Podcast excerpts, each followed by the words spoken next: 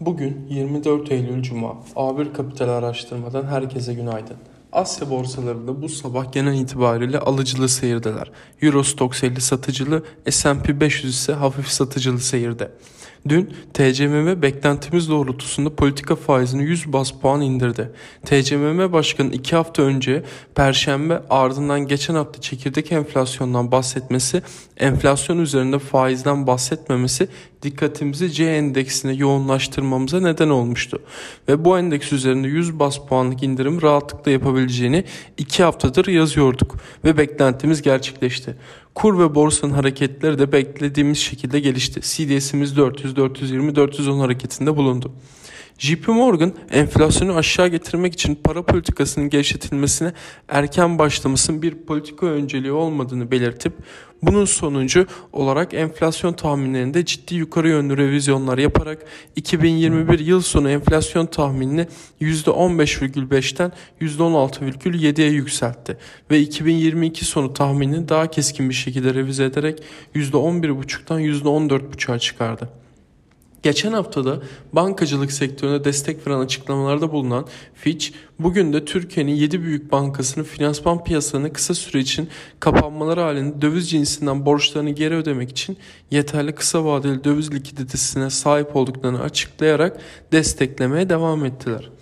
BIST endeksi geçtiğimiz perşembe günü %0,43 ile kayıp ile 1401 seviyesinde kapattı.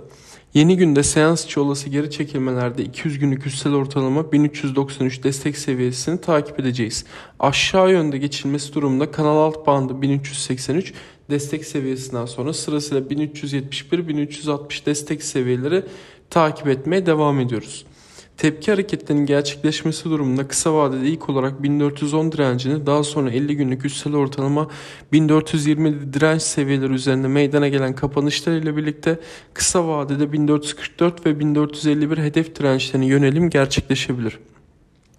Veri gündemine baktığımızda yurt içinde TCMM tarafında Eylül ayına ilişkin reel kesim güven endeksi ve kapasite kullanım oranı rakamları açıklanacak. Kapasite kullanım oranı bir önceki ay 77,1, reel kesim güven endeksi 113,9 seviyesine açıklanmıştı. TÜİK Eylül ayına ilişkin sektörel güven endekslerini yayımlayacak. Hizmet sektörü güveni Ağustos ayında %1,2 artışla 116,1 puanı çıkmıştı. Yurt dışına baktığımızda ise Avrupa'da Almanya UFO iş ortamı endeksi verisi bugün için en önemli veri Avrupa tarafında. Bir önceki ay 99,4 seviyesinde bulunuyordu. Analistler endeksin bu ay 98,5 puanı gerilediğini düşünüyorlar. ABD'de ise yeni konu satışları verisi takip edilecek.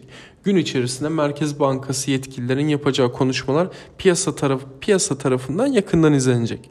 Ayrıca Fed Başkanı Jerome Powell, Fed dinliyor pandemik iyileşme perspektifi etkinliğinden önce açılış konuşması yapacak.